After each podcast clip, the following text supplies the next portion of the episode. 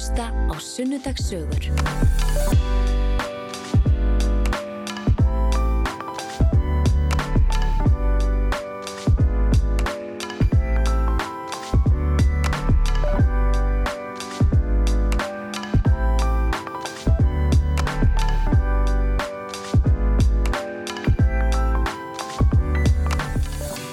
Það komi gestur í sundarsögur eins og bara venjulega sest hjá okkur einstaklingur hér í svona nánast yfirheyrslu og í þetta sinn er það Hrefna Sigfinnsdóttir sem er frangatastjóri Credit Info. Velkomin. Takk hella. Byrjum aðeins þar bara til að staðsetja okkur hvað er aftur Credit Info. Já, heyrðu þetta er fyrirtæki sem er orðið núna 26 ára gamalt og var stopnaðinn á Íslandi en tegir ánga sína núna yfir til 30 landa og við sem sagt rekum uh, mjög stóran fyrirtækja gagna grunn til þess að einstaklingar og fyrirtæki og ofnbyrjar aðlar geti tekið réttari ákvarðanir byggðar á góðum gögnum. Já, og er þetta gögn sem eru öllum aðgengilega eða hvað? Já, það er hérna hægt að vera áskrandi hjá okkur og, og, og nálgast líka gögn um sig frítt eins og lánsæði sitt. Já, emmitt. Tölum meira um kreditinfo eftir. En ef að fá að kynast þér aðeins, hérna Hrefna, hvað er þú fætt á uppalinn? Ég fætti Kópavögi og bjóði Kópavögin til fimm ára aldurs. Þá fluttu fóreldra mínir til Skotlands, fór í námi í Edinborg og vorum þar í eitt ár. Og svo þegar við flytjum heim, þá flytjum við í sveit sem að ég segi svona að ég sé uppalinn í. Já, og hvað heita... Fóreldrarnir? Herðu þau heita Bjarniður Kristín Guðmundsdóttir og Sigfunni Þólusson. Og hvað voru þau að læra? Þau voru að læra, mamma er sem sagt með doktorsprófi líffræði og pappi er með sem sagt guðfræðipróf og tók svo sérnám í svona áfallahjálp. Já, emmitt og starfaði lengi sem sjúgráðs. Já, mjög lengi. Já. Já. En, en hún, er hún hægt að vinna líka? E, nýlega. Já. Hún var lengi sagt við rannsóknir Einmitt. á fisksjúkdóm. Já, já. Og hvar ert þú í sískinaröðinni? Ég er hérna frumburðurinn. Þau áttu mig frekar ung, voru bara 20 og 21 Þannig ég er fyrst. Já, og fórst þú þá ein með þeim út eða? Já, fór ein með þeim út og bróðum minn sem kom svo næstur eftir mér fylgdi með heim en, en þá í móðukviði. Já, og svo kemur hvað? Svo kemur hérna, bróðir löngu, löngu setnar, 15 ára á milli mín og hans og hann fættist í bandaríkjum því þá ákvaði það að fara aftur í meiran á. Já, meirum þetta síðan. en mannst þú refna eitthvað eftir Edinborg? Já, já, já, mann bara mjög vel eftir Edinborg. Þannig er ég fimm ára og þú veist, farin að munna. Þannig að ég upplýði alveg Edinborg og, og hérna lærði náttúrulega ennsku, lærði líka norsku af því að það voru sagt, mjög nánir vinnir okkar sem voru frá Nóri sem við vorum mjög mikið með og þú veist fimmar að það var hvernig það er svo mikið svampur. Já. Já, það er bara margt mann frá Edinborg. Já, Bói Ágússon segir alltaf þetta sé fallegasta borgin í bara heimi. Hún er mjög falleg. Já. Við förum reglulega þangað í heimsókn. Já, ummitt. En valla hefur við komin í skóla þarna fimm ára? Nei, það var leikskóli. Já, já og þannig hefur síjast inn anskan. Mm -hmm. mm. Svo flyttið í sveitina, Gnúpverja reppur. Já. Hvað var þá, fenguð þau störf þar? Eða Já, hvernig? pappi, hann fær brauð þar og hérna, mamma ákveður að flytja með Já. og gerðist grunnskólakennari og hún kendi mér. Hún var aðal kennari minn alveg í mörg ár, Henni. bara frá 6 ára til 12 ára. Já. Og eru þið þá bara búið í sveitabæi eða? Já, við byggum að vísu hérna svona nýbíli sem að hérna var ekki sveitabær en vorum aftur á móti með lítið hesthús og fjárhús. Já, já. Og hvaða kirkju þjónaðan hvað? Tveimur, Stóranúpi og Ólasvöllum. Já, já, já, já. Og hvernig var þetta fyrir þig? Þannig ertu búin áttið á því að hérna pappiðin er presturinn á svæðinu. Hafið þið það... Og mamma, og mamma kennarin. Og mamma kennarin sem kendi þér. Já, það var kannski ekki mikið pláss fyrir að vera mjög óþekkur en samt eitthvað. Já. Ég uppliði þessa, þessi ára algjörlega sem frábær. Ég egnast þarna mína allra bestu vini, vinkonur sem ég er í mjög miklu sambandi við og líka bara mikið að vinum í sveitinni pluss að fá að alast upp í sveit og þú var svo, frjáls. Já. Mikið út að leika, mikið útikrakki. Þannig að þó að mammaðin hafi verið kennarðinn þá þurftur þú samt að fara í skólan eða já, hvað? Já. Fóruð þið þá saman í einhverjum svona rútu eða eitthvað? Já, vorum bara, vorum samfélag á mótnana. Óðalir þetta sætt. Það var mjög þægilegt. Já, og hvar var þá skólinn? Hann var bara ekkit svo langt frá okkur. Maður gæti sko, ef það var ófært þá var fara á gönguskíðum þegar það var alltaf skóli. Já. Þannig að við náðum alveg að fara þánga á gönguskíðum. Já, hérna,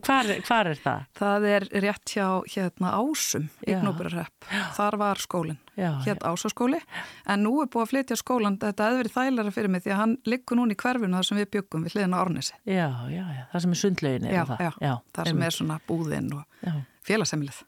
Hrefna má ég spyrja hvað árið tveit? 1969. Já, og hérna þá var alltaf, er það ekki æðislegt veður þegar fólk er að rifja upp sko, hérna benskuna? Ég man bara eftir góðu veður bæði á hérna sumrin og vetuna. Mér þú veist, veturni voru svona stilla og við vorum út á skautum og það var endalist takt að fara út á gönguskiði.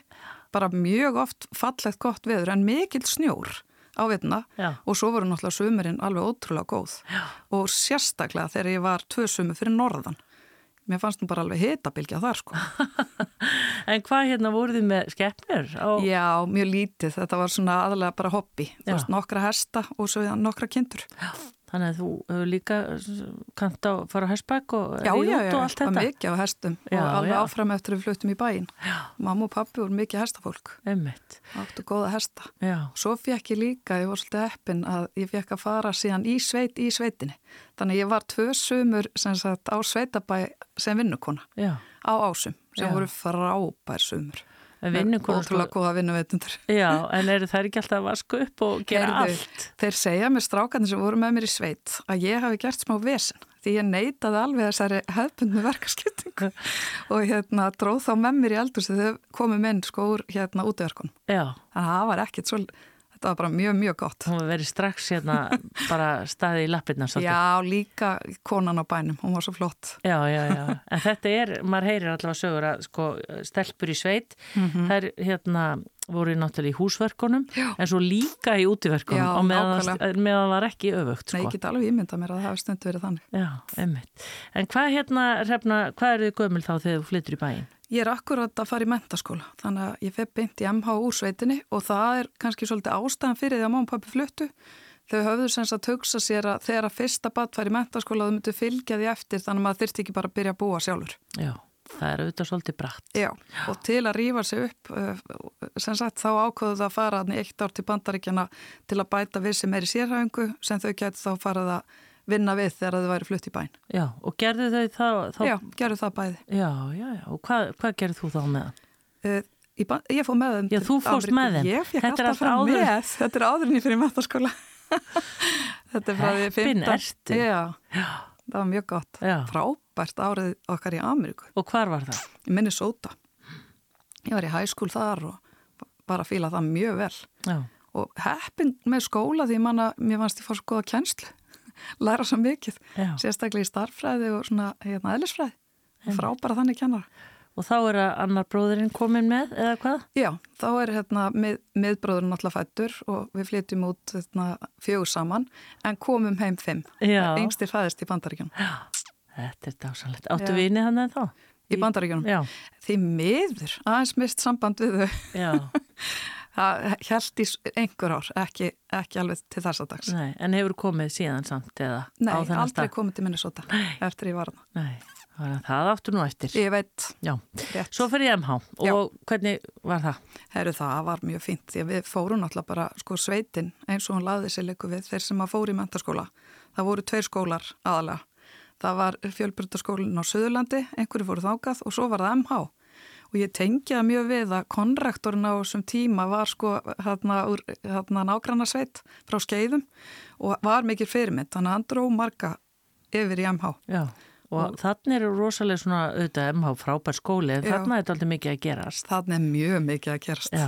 Rosalega mikið að gerast í leikfélaginu. Ég fór í leikfélagið en ég fór ekki í kórin, sé ennþá eftir því. Það Já. var virkilega flottur félagskapur með, já, og, já, og þannig eru þú veist stuðmenninni nýbúinur að vera í skólanum Nákvæmlega. og allt þetta Já, já, mikið af flottum leikurum sem að kynnt þarna og Bendit Erlingsson og Haldur Geirhards og Pállóska var á sama tíma og geta alveg tala upp endalust Já Það var mikið í gangi. Og þú fengið aðganga borði? Hrefna? Já, heyrðu, við vorum með borð sem var kallað sveitaborðið og var næst mötunutinu, veit ekki alveg hvort þetta hafi þótt svona besta borðið en okkur leiði ákveðlega á þessu borði Já. og það sem kannski bjargaði mér svolítið í MH, þetta er alveg rosa mikið að koma að neina, þetta er svo opið og fjölbrytakerfi og annað það var að eiga hann góða vinahóp úr sveitinni. Við heldum rosalega þjættu sambandi. Já, og hvað er þetta bara krakka sem voru bygguð þarna næstu bæjum og þeir voru saman í kjensli og mömmuðinni? Já, Já, bara mjög mörg sem að mamma kendi Já. og síðan voru þau svolítið að flytja þá eini bæin þannig að það var líka vist atkvarf heima um mamma og pappa því þau voru flutt. Já. Það var alveg ennþá verið að fylgjast með okkur og tjekka hvern nokkuð gengi í náminu. Já, og ristabröð og kakum allt og allt já, þetta. Já, algjörlega. Hvert hérna leitaði hugurinn? Heyrðu, ég náttúrulega var alveg í raun og veru leitaðan allt annað allan tíman.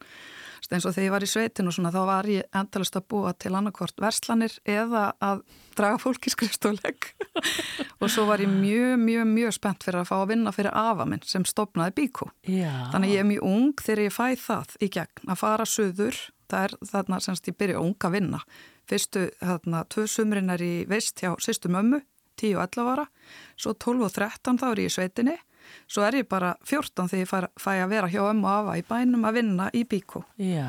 og fann mig mjög mikið þar, Já. sérstaklega þegar ég komst á skrifstofuna. Fyrst var maður alltaf lagarnum og í málingadeildinni og pípilögnunum og einhverju svo leiðis, en endaði svo á að komast í skrifstofunum og fannst ég algjörlega að finna mig þar Já. á skrifstofunni hjá bíkó og ákvað þannig að fara í viðskiptafræði. Þannig að Guðmundur í Bíkó, þessi merkileg maður er afið þinn. Já, já. pappi mömmu. Og þannig að þú náttúrulega kynst honum mjög vel. Mjög vel, já. Og hvað hérna, hvað getur þú sagt okkur um hann? Hann var bara alveg einstakur, ofbúslega mikið fyrirmynd og let verkinn tala. Hann talaði ekkit mikið, hann gerði mikið. Skóraktabóndi? Alveg ofbúslega frumkvöld því þarna minnst þetta svo merkileg saga því hann sem sagt fæðist, hann er einn af 13 sískinum norður í fljótum en uh, í raun og veru fer aðeins aðra leið heldur um margir úr hópnum hans, sískinuhópnum, að því hann er svo mikið ofnæðin fyrir dýrum. Þannig að hann fór svolítið að brasi í því að opna búðir fyrir hérna, sjómenn þarna niður, niður við vikina í sveitinni sinni og setna kemst hann síðan í, í hérna, skóla og fyrir á bifröst og læri það viðskiptafræði þess tíma. Fyrir að vinna fyrir sambandið en er með rosalega sterkar sín á hvernig svona verslun eigi að vera og rætti það alveg fórstjórun á sínum tíma sem deildi ekki þeir, þeirri sín. En þá ákveður hann að byrja að vinna í sinni sín með því að búa sér til smót stoppfjö sem hann gerði í gegnum sko bæði kartublu og róurækt. Hann seldi kartublur og róur og þarna var öll fjölskyldan hans að hjálpa hann, börnin hans og konan að rækta þetta. Og það er enda með að hann leigir bílskur með mági sínum. Og þeir stopna bíkó og fyrsta sem þeir gera er að flytja inn timpur og svo má að segja að þetta verði svona virkilegt success þegar þeir ná að flytja inn mósækflísar því á þessum tíma voru allir með mósæk út um allt í húsun mm -hmm. hann wow. lýsir þessu svona og hann lýst þessu fyrir mig því ég skrifa eins og reyðgerðum þetta því ég var í háskólum, ég fannst þetta svo merkileg saga Og hún er auðvitað merkil og það er bara svona, bara til þess að staðsetja þetta aðeins í nútímanum sko, auðvitað þekki allir bíkó en Já. Guðmundalundur Akkurat, í Kópói sem er gríðarlega vinsælt útivistasvæði að hann, það ræktaði hann með fjölskyldunni sinni Já. og endaði svo að gefa til skórættarinnar og það er einmitt líka þessi saga áður en hann hérna kannski gerði stórtækur í, í skórætt því hann gerði það í restina fyrir norðan í fljótum, skildi eftir sér stóran skóð þar har, á þessu harbila svæði þá var hann búin að fara í lagseldi hann var bleitin af, af frumkvölunum í lagseldinu Já. og kannski hefðu fisksjúkdómatnir verið þá viðræðanleiri komin bólefni og annað þá hefðu það gengið betur. Já. það var erfitt á þessum tíma. Já. og ég veit að mamma, hún alltaf sérhæði sig síðan í fisksjúkdómum. Hefur alveg þess að suga að segja það var bara ekki komið þetta bólefni Nei Þetta er áhugavert en hérna þannig að þá sagt, færðu að færa þig svolítið upp svona stegun og færðu inn á skrifstóni á Bíkó og byrjar þar og svo fyrir viðskiptafræði Háskóli Íslands já. og ertu svona talnaglögg og strax og svona? Nei, ekkert sérstaklega. Hafði, að mann hugsa sko, ef maður er ekki þarna, mann finnst þetta eitthvað svo ótrúlega óspennandi. Já, mér fannst bara svo gaman að eiga viðskipti. Já. Þú veist, klára viðskipti. Þú veist, loka einhverju þar sem báðir eru ánaðir. Það var meira í þeim hérna parti sem ég hérna heitlaðist að fæinu. Svo er þetta bara prattist nám og mér ást mjög gaman í náminu. Kynntist náttúrulega alveg frábæri fólki og átti þarna frábæri ári í háskólanum. Já. En var líka svolítið upptökin að því að finna hvar ég myndi brenna og ég fann að það var ekki í timbri. Ég hafði ekki svoleiðis áhuga á reksturinnum í Bíkó. Aftur á móti eru verðbrefin alveg ný þegar svona um það bíl sem ég er að klára. Þannig ég ákvaða mig langa til þess að læra meir um verðbref og sérhæmi í því. Já. Það var svo lifandi, svo kvikumarkaður og það er bara verið þannig að fyrsta starfið mitt er bara hjá verbreyðafyrirtæki og þeir restis history. Þú veist, Já. maður byrja bara að sérhafa sig. Emmitt. Eru þá þessum tíma þú náttúrulega svo ung sko en er ekki fullt af konum þá í því starfi eða er það meira? mjög fáar. Já. En ég var svo heppin að það var einmitt kona sem var yfir maður verbreyðafyrirtæki sem ég hérna byrjaði að vinna hjá og hún sá eitthvað í mér og hún kemur hérna bara svona í raun og er ég bara búin að vera nokkra mánuði sem sérfræðingur inn í hjá henni þegar hún býður mér að verða bara yfirmaður hjá svona hérna, verbreyða fyrirtæki. Var mjög hissa Já. en ákvaða að, hérna, að taka áskoruninni og sé ekkert eftir því.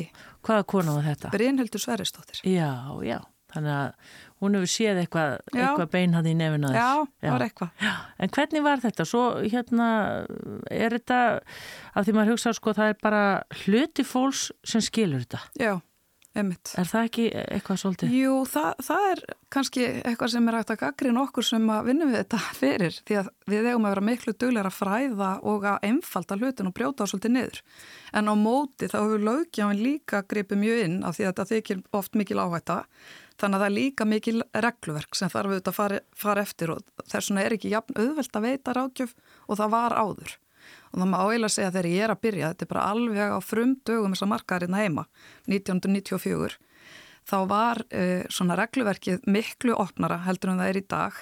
Þannig að við fengum að gera alveg ótrúlega hluti sem var auðvitað svo skemmtilegt og maður lærði svo ofbúslega mikið.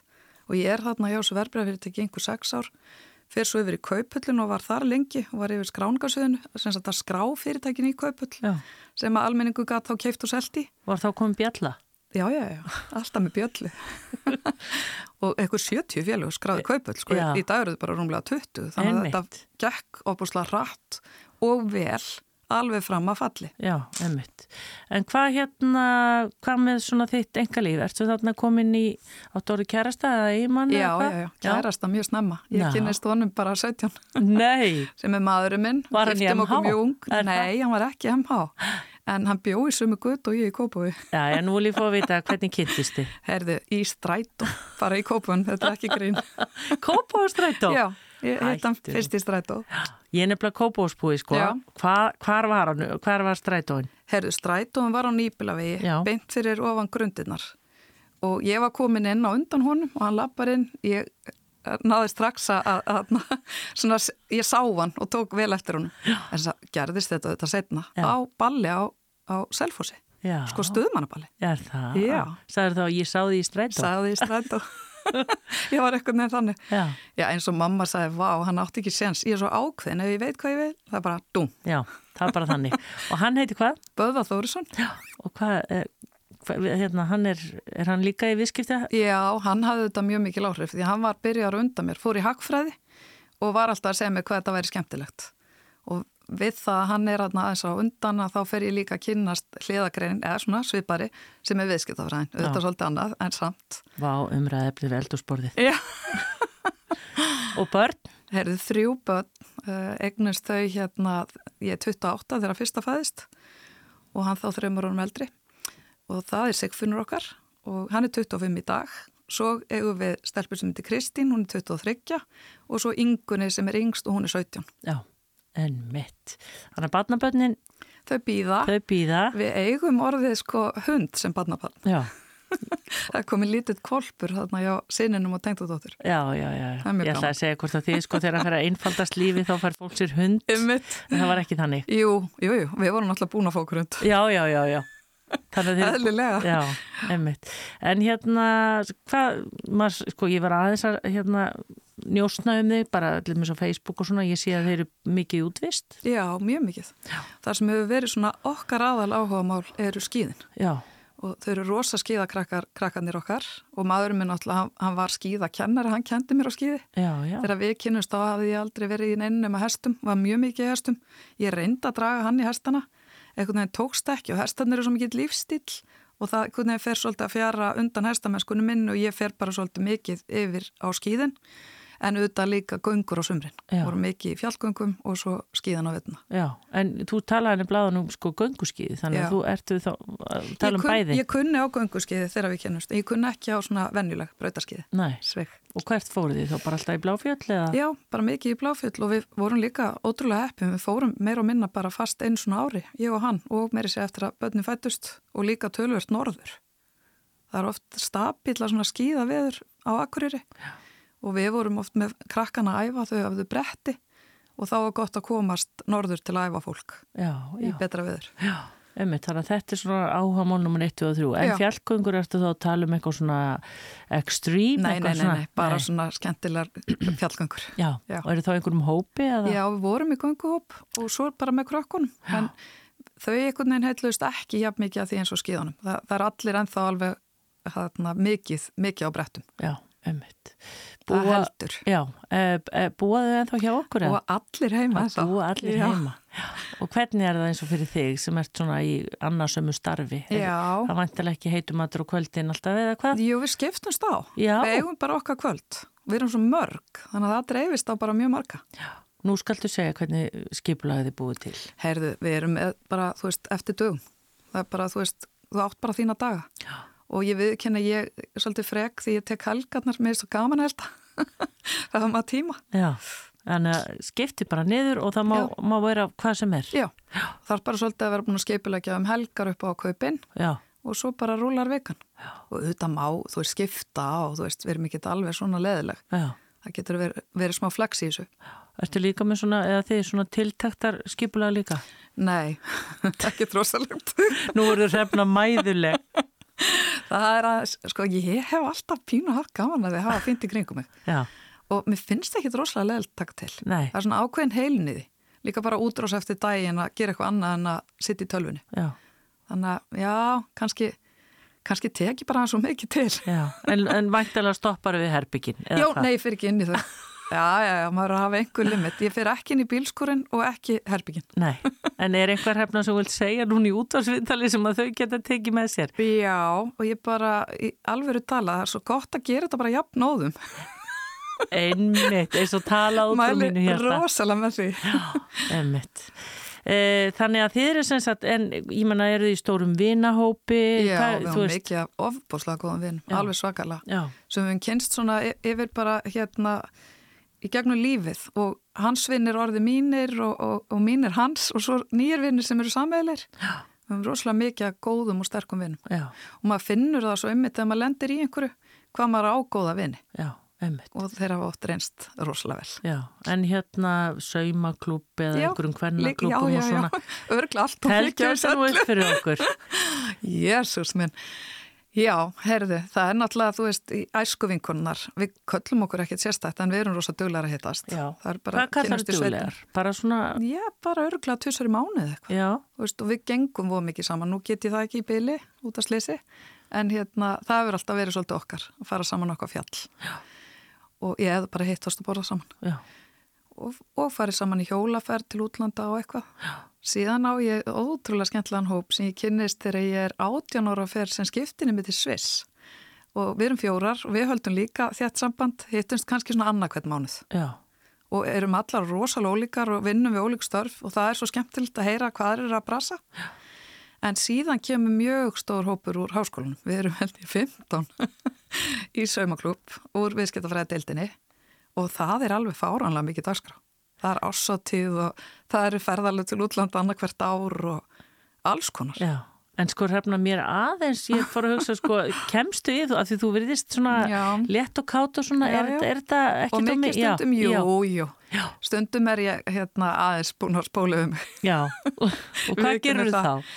Herðu, þá er það bara aðeins að draga sér í hlið og minnst rosalega gott að lesa. Ég les mikið eða prjóna. Já. Það er svona heilandi. En þoriru að segja, nei, ég er ekki stuðikvöld, ég ætla Já, ekki að koma, af já, því að oft er Já, það erfitt. ég veit það. Nei, ég hef ekkert verið sérstöku í því en ég er orðin betri. Ég held að lífið sé bara aðeins að kenna manni það. Að maður getur ekkert alltaf gefið og gefið og ætla að vera alls þar. Já, einmitt. Segðu mig frá uh, þegar þú fórst sem skiptinu til Sviss. Já, herðu, það var náttúrulega alveg frábært. Ég fekk það tækifæri held ég vegna sem ég gekk svo svaka litli í þýsku í MH. Og mamma náttúrulega metnafull, ég held, ég held að þetta sé ekki tilvílun, ég hafi farið þarna ymmit á okkar þýsku námskeið í Sviss, það var kjent á þýska þó þetta var í Sviss. Og það byrjaði á nokkra vikna þýskukjænslu og svo fóstinn á heimili og þetta var allt sumarið. Og þetta var bara algjör gjöf því ég lærði bara mjög fína þýsku, kom heim bara bynt á annaður í MH og bara með fína engun í þýsku sem kom öllum óvart Já. því er engin sérstök tungumálumannskja. En þarna var væntalega, það er nú oft talað um að fólk er ekkit endilega mjög gott í ennsku. Nei, akkurat. Þannig að þú hefur bara þurft að tala þýsku. Já, Já. bara varða að tala þýsku. Nei, þau töluðu enga ennsku fóreldrarnir sem ég bjó inn á. Það var nefnilega algjör snilt. Þannig að þú varst bara að tala við þau á þýskun. Já, og sprekins í Deutsch í dag? Já, klæn. ein bisschen klein. Já, já, já, já, já. já mjög, mjög lítið. Það þarf að æfa þetta. Það þarf að æfa ég þyrti sögumarlar ef þetta upp held ég. Já, já. en þú ferð á skýði kannski? já, já, þá reynir maður að slá um sig svona pantamatur og svona. Einmitt. Hrefna, þegar þú ert búin að vinna í sagt, hvað ég voru að segja, svona verðbrefa umhverfi í hvað mörg ár? 30 30 ár? Og þá hvað? Herðu þá hvað ég að taka bara mjög stóra breytingu og það kannski svolítið þegar þú fær svona við farin veg þá finn ég að þú þart alltaf að hafa eitthvað svona aðri tilgang í vinnu. Og auðvitað til að byrja með er, er þessi aðri tilgangu bara að vaksa og læra. Þú fær mikið út úr því. Svo fann ég til dæmis í kaupullinni þá fannst mér ég virkilega að vera að berjast fyrir litlu hlut á hana. Það væri allar upplýsingar á borðum til að þeir getu tekið jafngóðar ákvarðanir svo stóru sem vissu kannski stundum aðeins meira. Þannig að það var svona það sem ég vaknaði upp við á mótnana Svo finn ég það svo vel því ég fer inn í Landsbankan 2010 og það er komin eigandastefna fyrir ríkið að ríkið eigi að starfa samkvæmt uh, svona samfélagsábyrð, eigi að setja sér þannig stefnu og við byrjum að hugsa hvað er þetta og reyna skilgreina það og innlega það. Og ég fann mjög fljóðlega alveg mikla helgun við að innlega þannig stefnu fyrir þarna, þar sem ég bara ábyrða hjá bankanum og beitti mig bara mjög mikið fyrir þessu málaflokki. Mm. Hvað þýðir það? Getur þú útskýrt það? Það þýðir eins og hjá mér þýtti það það að ég sagt eh, var hérna yfirmæður svona eignastýringar að við værum að taka aðferðafræði ábyrgra fjárfestinga inn í allar fjárfestinga ákvarðanir. Þannig að við værum svolítið að skoða umhverjusmálinn sérstaklega, félagslegu þættina hjá fyrirtækjum og líka stjórnarætti. Umfram það sem hafi verið gert, þannig að þetta var aðeins breyting. Og við fundum að Ísland var aðeins á eftir til að mynda hinnum Norðurlöndunum og líkla út af hruni og gjaldrisöftum Þannig að það var verk að vinna og markaðurinn þurfti einhvern veginn allur að fara með á hana vagn. Uh. Þannig að ég sé frekar fljótlega að við þurfum að draga inn mikla þekkingu sem getur verið dýrt og það er dýrt af hver og einn er að byggja upp sína þekkingu bara í sínu hotni að miklu skilvirkar að við gerum það saman. Þannig að 2017 fer ég í það að, að hérna, taka bara hús á, á helstu fjárfestum landsins til að vita hvort það væri ekki vettvangur fyrir svona fræðslu samtökum þar sem við værum öll að fræðast saman bara um þessa aðferðafræði og það gerum við þarna, samtökin Æsland SIF SIF stendur fyrir svona Sustainable Investment Forum eru stopnuðan á 2017 og þau lifa bara mjög góðu lífi í dag því það er svo mikil þörf fyrir að eflena málaflokk Já. Og er og það svo, verið að hugsa um samsetningu stjórna, já, alls konar þættir sem að... Bara öryggismál starfsmanna er verið að borga jöfnlaun, hvernig er hugað umhverfisþáttunum, er verið að mæla kolpnusborið, allir þessir þættir Já, sem eru orðni svo miklu meira kannski mainstream í dag heldur en þarna fyrir einhverjum árum. Já, en voru við á þessum tíma alveg bara á botninu? Við vorum bara tölvört á eftir hinnum Norðurlandunum varðandi að taka þetta með svona skipilögum hætti. Já. Veist, í, í eðli sínu er landið okkar náttúrulega freka grænt og með góða orgu og þess áttar og ég held að stjórnarhættinur okkar sé alveg á, með ágætum. En við vorum ekki svona búin að gera þetta með þessu markvisa hætt eins og við sáum hinn Norðurlöndin gera. Ja. og ég vissi um þetta Norðurlöndin áttu öll svona félag sem auðvitað hjálpar. Þannig að þú sérst að gera þetta í meiri reyfingu heldur en emitt allir í sínu hotni ja. og ég fann samt fyrir alveg miklum skorti í þessu innlega ferli á upplýsingum frá fyrirtækjum um nákvæmlega þessa þætti og þessuna var svo spennand að komast til kreditinfo því það er svo góður grunnur til að byggja á og í dag eru við tilbúin þar með vöru sem við köllum veru og hún sínir þér sjálfbærtinu upplýsingar fyrir öll innlend rækstarfélug. Líka þau sem eiga það ekki. Því að það er kannski ekki miklu innviðir í sumum fyrirtækjum til þess að vera að framlega svona upplýsingar. En þá getur við með okkar líkunum og ákonum gagnagrunni sem við kaupum til viðbútar áætlað fyrir þig. Auk þess ef þú kemur sem fyrirtæki inn á þetta plattform og svara nokkrum spurningum þá verður það nákvæmara.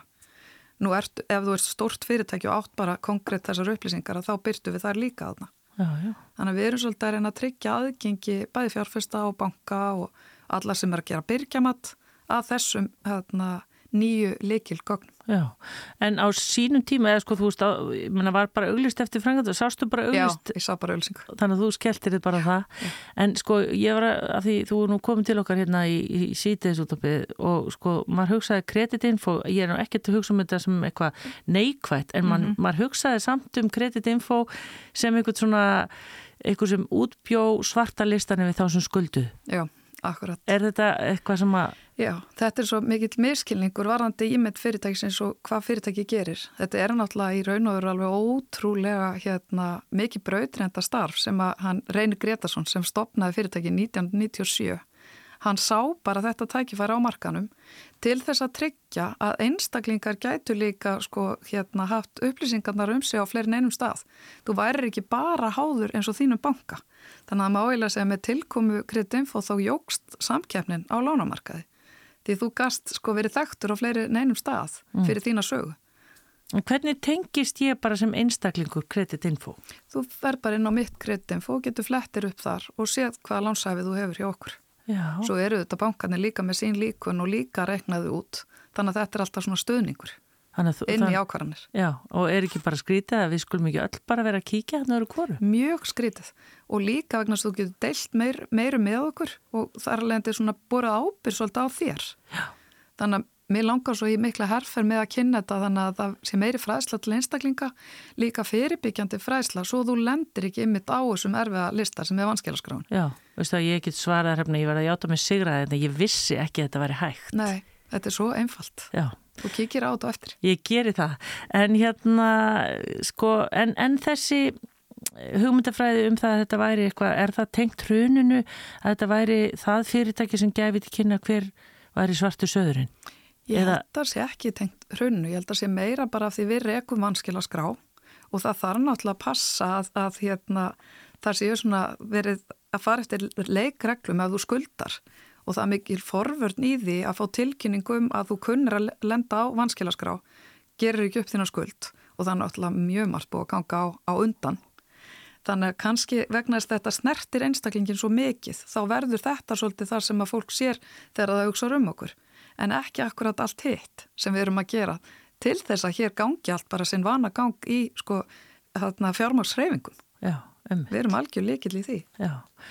Má maður svona rétt árum við kannski hvað er þetta, þú veist, hvaða tilfinningu hefur þú núna fyrir bara hvernig okkur gengur, bara Já. svona í þjóðarbúinu? Já, við erum náttúrulega kíkjum á gögnin mjög reglulega og við sjáum vanskil aðeins vera aukast og eðlilega eru áhugjur bara vegna þess hvert vextir eru komnir.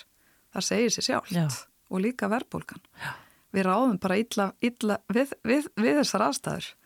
Þannig að ég er ekki mjög bjarsinn á þróun vanskilamála. Nei aftur á um móti hérna, hefur þetta gerst sko hægar heldur um að hjælt og líklega er það vegna þess að bankarnir eru að stígun og aðstóða einstaklinga sem er gott Þannig en það, það eru ákveðna blikur Álofti Já. Já. Hvað eru margir sem vinna hjá Kreditinfo? Herðu það eru 450 sem vinna hjá fyrirtækinu 450? Já, í sko 30 löndum wow. og við rekum mjög stóra IT-deild sem er staðst í Prag, þar eru um 100 manns hm og síðan dreifist þetta á yfir 30 lönd Já. og sko eila fjórar heimsálur. Það er búið að hérna vaksa alveg ár frá árið þetta fyrirtæki. Já, Byrjar á Íslandi og komið á allar staði. Já, en er þú hrefna frangatastjóri yfir öllu? Nei, nei, nei, nei, nei. ég er bara frangatastjóri fyrir Ísland, Já. en við erum langt staðista landið, náttúrulega erum svolítið hérna á undan hinnum, það er svolítið verið að byggja á því sem var gert hérna heima, þannig að við erum mikið að flytja þekkingu hérðan og út, en svo setjum líka í frangatastjónin úti. Já. Þú er búin að nefna svona smá hluta sem þið gerir. Hvað, hvað eru þið fleira að gera? Herru, við erum bara voð mikið að mæta okkar viðskiptavinu þar sem þeirra sásöki liggur og við sjáum til dæmis að fyrirtæki eru mikið að reyna að rafa eða ferla og gera hlutina skilvirkari. Það er svona að þróum við löst sem við kallum snjallið þar sem að fyrirtæki, ert til dæmis lánafyrirtæki, getur komið og stilt hvernig þú vilt lána einstaklingi, hvaða reglur þú vilt hafa og þá fer svo ákvörðum bara algjörlega bara beint í gegn án þess að það sé eitthvað nefnd sem þurfa að fjalla um málið. Mm -hmm. Þetta er mjög vinsælvara hjá okkur. Við erum líka búin að þróa greiðlega flotta lausnir varðandi upplýsingar um bæði fyrirtæki og einstaklinga til þess að koma í veg fyrir peningaþvætti höldum utanum flotta þannig nýja löst sem að hérna er, er mjög vinsæl. Mm. Við erum náttúrulega með innheimtukerfi, við erum með hérna lánsæði fyrir fyrirtæki og einstaklinga, við erum með mjög stórt búðaborð. En kannski svona fyrst og fremst það sem er nýtt hjá okkur er að svolítið að mæta stóru viðskiptavinnum og sjá hvar sásöngin liggur og við sjáum að hann er meira og meira í því að það er allir að reyna að verða snjallari. Hann likur líki í því að það eru flestir konu með stefnu um að taka samfélagsábyrjun alveg þétt og vantar þar alveg þau líkil gögn og svo tökum við eftir að Ísland hérna, hefur þurft að byggja meiri varnir varandi peningaþvætti þannig að við erum að mæta þeim kröfum. Já, svo eru þið náttúrulega með þessa útnefningar, fyrirmynda fyrirtækin og svona. Nei, framúsgarandi. Já, framúsgarandi fyrirtæki. Það er nefnilega alveg framúsgarandi sem við erum með og búin að gera í tölvört mörg ár Já. og þar fannst okkur full þörf á að vekja líka aðtikla á því sem vel er gert. Við erum svo dögleg oft í umræðinu að tala um það neikvað Þannig er verið að hempa, sko, hampa hetjónum sem eru bara velreikin fyrirtæki, lítil og meðalstór mörg hver. Mörg fyrirtæki hérna, hefur aldrei heyrtum en alltaf bara hafaðu reikið sér svona vel og í góðri sátt. Og við viljum aðeins varpa ljós á þetta en síðan eru við líka aðeins að bæta kröfunar til fyrirtækja, ekki bara að huga þessu hefðmöndna veldu og arsimi og þeim þáttum, heldur líka að sjá hvernig þau eru að sinna sjálfbærni.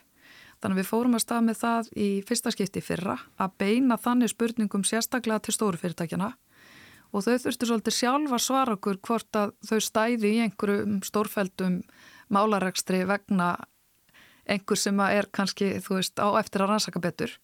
Og á meðan að slíkt er í gangi, þá ertu kannski ekki framhúsgarandi og vikuð þá að lista. Já.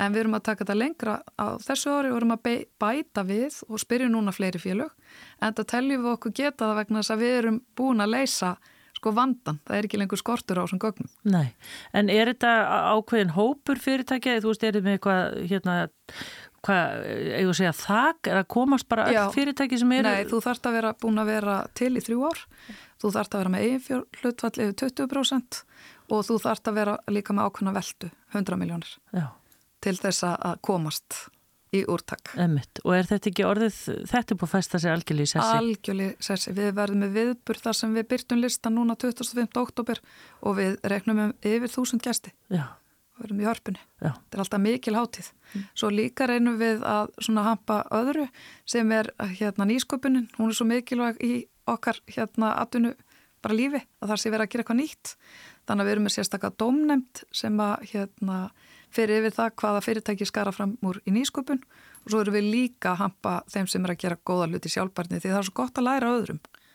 Þannig að það er líka domnemt utanum það á vegum festu sem velur svona fyrirtæki sem skara fram úr sinnu sjálfbundni ferðalagi. Já, vá, það er greinlega nú að gera. Já, já, þetta er skemmtilegt. Já. Þetta er mjög jákvæmt. Já, ummitt. en hérna, ég tók eftir í áðan þegar þú sagðir, já, ég hérna, er í, í þessum klúb og gönguklúb og fjallaklúb og svona, en mm -hmm. ég mhm. hef ekki farið með núna því að ég lendi í slisi. Já. Eða tala um það? Já, heyrðu það var núna í februar, þannig að það er að verða átta mánuðir. Ég var semst í skíðafríi og þetta var á þriðja degi og einhverja luta vegna þá valdi ég að vera á fjallaskeiðunum þann daginn því þau klikkuð. Ég er sem sagt fipast ekkert á mjög mikill ferð og dett og vennulega bara detta skíðina af og þú ert bara kannski aðeins krumpaður en mín bara losnaði ekki. Þannig að ég fór í nokkra snúninga með bæði skíðina á og þau alveg möll brutu mig. Sem sagt braut aukslina illa mjöðum, sleit vöða í lærinu og svo braut ég fótinn mjög illa. Manstu eftir þessu? Já, já, já, mjög vel. Og ertu að skýða bara í tróðinni brekku? Já, bara ágætlega. Það var svolítið slapp, þetta var svona aðeins þungt færi. Já. En ekkert, þú veist, ég skýða venilega miklu aggressífara heldur en þetta. Það var bara algjör ofni. Og það sem að gerðist var að það var fólk að lappa á móti mér á fjallarskíðunum og ég fer að hugsa, hvað er að mér að vera bara að nota þau hérna niður? ég væri ekki alveg að gera nógu mikið að lappa upp. Já, en af hverju fórstu þess? Já, Já þannig að þú, þú horfið niður. Já, og þá fyrpastu. Ég valdi þessi skiðu voru ný og ótrúlega góð. það var bara þannig. Já. Bara mátuleg lengt og svolítið svona aggressív og góð skiðu. Já, þannig að þú ert að tala Já, hrefna að þú ert greiðlega góð skíðakona. Já, já, já, við erum mikið, venjuleg- mikið á skíðum. Já, En sko, svo er þetta svo skrítið hvað hérna líka með virka vel því ég fekk sem sagt engin deyfilið fyrir einhvern fjórum tímum eftir. Ég uppliði einhvern bilaðan sásöka því að þú ert náttúrulega bara inn og út um meðutund en svo er það líka, þú ætlar ekki að tapa þú veist, ég var í alvöru tala að reyna að standa upp til að halda áfram í þessu skíðafríi en það gekk sem sagt ekki. nei, en ég meina hvað hva, hva meira lítil verkjali var, var Nei, ég fekk bara engin fyrir en þú veist, ég komst ekki undir svona almennilega læknsendur fyrir um fjórum tímum eftir áverka. af hverju? Það var, á, ég veit ekki hvað ég á að byrja. Jú, ég vil Já, fá ok, fyrir það fyrsta þá er, er hérna eins og en ég var tekin bara niður hérna á snjóþóttu og þegar sjúkrabílinn kom þá kemur í ljós, þetta er á Ítalju að sjúkrabílarnir á þessu skiðasvæði eru bara svona sjálfbúðaliðar sem hafa farið í okkur námskeið en ekki með réttindi til að vera með verkefli í bílnum. Þannig að það var ekkit lif. Svo var byrjað á að keira mig á vittlu svona spítala. Ég hana, var náttúrulega enga með með það upp á tíu hvert þetta fara með mig. Þannig að það keirt svolítið langa leið og ekki á réttan spítala. En í millitíðinni er kalla á farastjóran sem var í ferðinni og hún kemur og tekur við stjórn.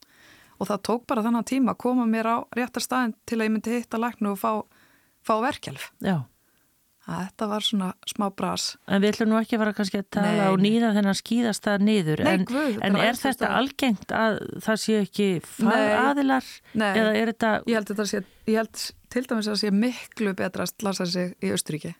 í, Það er bara meiri þjónusta og líka spítalarnir og ég tók eftir því því ég var alveg tölvört lengi á spítala á Ítalju. Mér fannst þetta svakalega gamaldags. já, Mér fannst ég bara komið mörg ára aftur í tíman og ég var svo mikið að spáið, er það út af COVID og því höggi eða er það bara kerfið þeirra? Og kannski var það svolítið gott af því að við erum nú dögulega að tala okkar kerfi niður en ég get sagt þér, þú veist, að koma með sjúkraflugi heim eftir tíu dagat nóti og fara inn á B5, mér fannst ég bara að koma til himna. já, Það var svo mýl munur. hérna, Hvílík þjónusta og góð rúm og það var alltaf rétta. Ég- ég- maturum betri. Já, ummitt, ég tók einu sinni viðtalið mitt við konu sem slasaðist í Fenegjum og lendi þá og hún var ummitt lendi á einhverjum hana bjálka Já. rúmi og Já, eitthvað, maður ég eiginlega bara prófaði trúði. líka fener Já. þetta, þetta er nefnilega svolítið saga veist, fyrst er ég lögðin á spítala nálat Madonna fyrir þar í aðgerð svo er SOS, eitthvað svona engareiki fyrirtæki sem á að sjá um að flytja mann heim þar er allt skorið niður í COVID þannig að litlir innviðir og það var svolítið bras að fá þá til að ná í mig en spítalinn sagði þú ert ferðafær á mánudegi SOS sagði nei, vegum panta sjúkraflug frá fenum á fymtudegi á mándagsmotni koma læknarnir og segja þú ert að fara uh, við þurfum rúmið. Þannig að kemur sjúkrabíl en veit ekkert hvert hann á að fara með mig því það er engin, það var ekkert búið að panta neitt spítala. Mm. Og við prófum hérna rúnda um Ítalju að tjekka á spítulum og þeir höfnuðu mér allir. Þannig að það er enda með að ég er tjekkun á hótel. Svona mikið slössuð. En, en sko hrefna þegar þú fyrir á rúndin, minna hvað, bara þú og... og Nei, og frænka mín sem var með mér í skiðaferðinni. Hún er þarna með mér í sjúkrabílnum og sá algjörlu um málið. Hún rettaði þessari einu nótt þarna á sem á þessari, mér fannst þessi nótt á hótelinu náttúrulega bara geggjuð en ég held að hún hafi ekki alveg svömu upplifun. En farðu aðeins yfir sko aftur, hvar Já. varstu slösuð? Mér finnst þetta eitthvað svo, eins og legasaga. Já, þetta er svolítið lega þess Já. að aðalega náttúrulega fóturinn, hann er alveg allur neldur. Og ertu þá komið þarna með gifs eða... Já, já, já, mér gefst svo allt. Já, Já. já. Og hérna, en ég menna... Og búin í aðgerðinu og svo les. En þú, þú svona glottir núna og lærð. E, þetta er hefur náttúrulega ekki bara verið eins og fyndina. legasa. Já, Nei, veistu að þetta var náttúrulega bara eiginlega, ég myndi ekki skrifa um þetta því ég myndi alltaf viðkomandi var bara bullað að gera upp. en hvað varstu þá samtals marga daga úti? Tíu og svo einhverja, einhverja daga á Íslandi en alveg rúmföst í mjög marga vikur. En ertu þá flutt heim með sjúkra flugvél? Já, já, já, já. Nei, nei, nei, nei.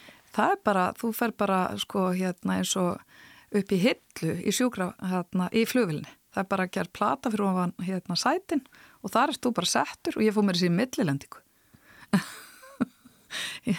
Millilendi Frankfurt. Já.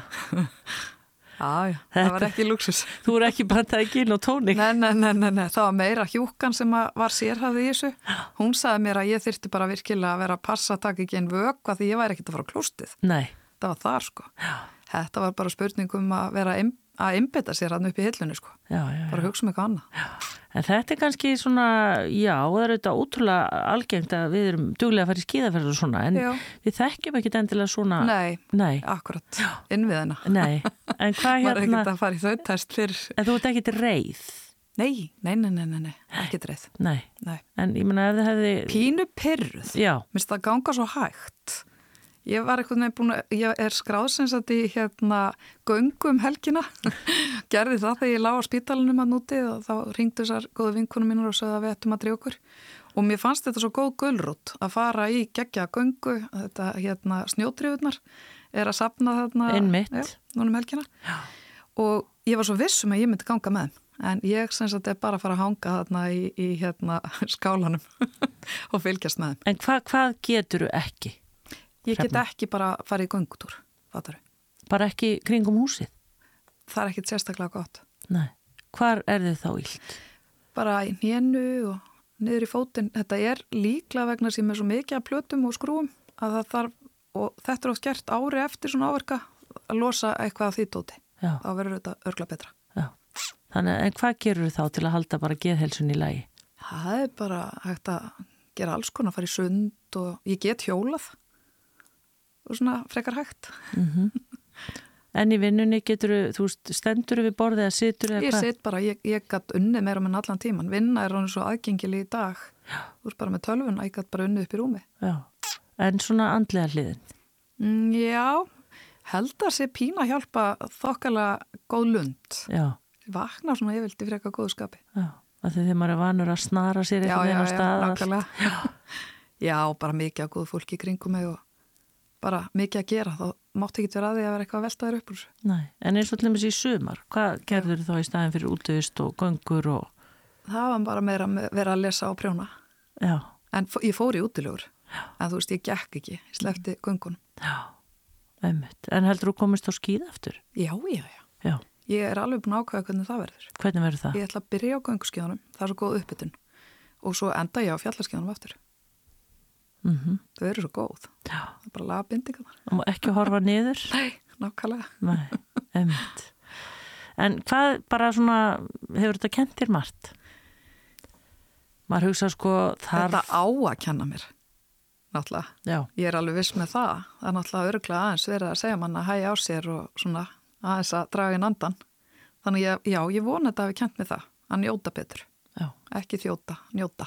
já, einmitt. Langa til þess að það verði lærdómurinn.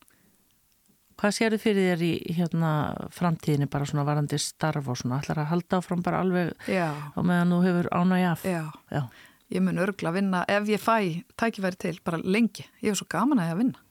Svo rosalega gaman í vinnu. Alveg sérstaklega núna, ég er með svo frábærum hóp. Og að gera svona mikilvæga hluti, það er bara, maður finnur að maður er að gera gagn. já, Það er svo gefandi. einmitt. Ég ætla að fara inn á kreditinfo, er það mitt svæði, hvað heitir það? Já, mitt kreditinfo. Mitt Bara inn á kreditinfo. kreditinfo.is. Og það kostar mikið neitt. Það er 0 krónur. Áhugavert, ég ætla að skoða þetta. Uh, Hrefna Sigfinnsdóttir, frængatastjóri Kreditinfo, takk fyrir komuna í sundarsur. Takk hella fyrir mig.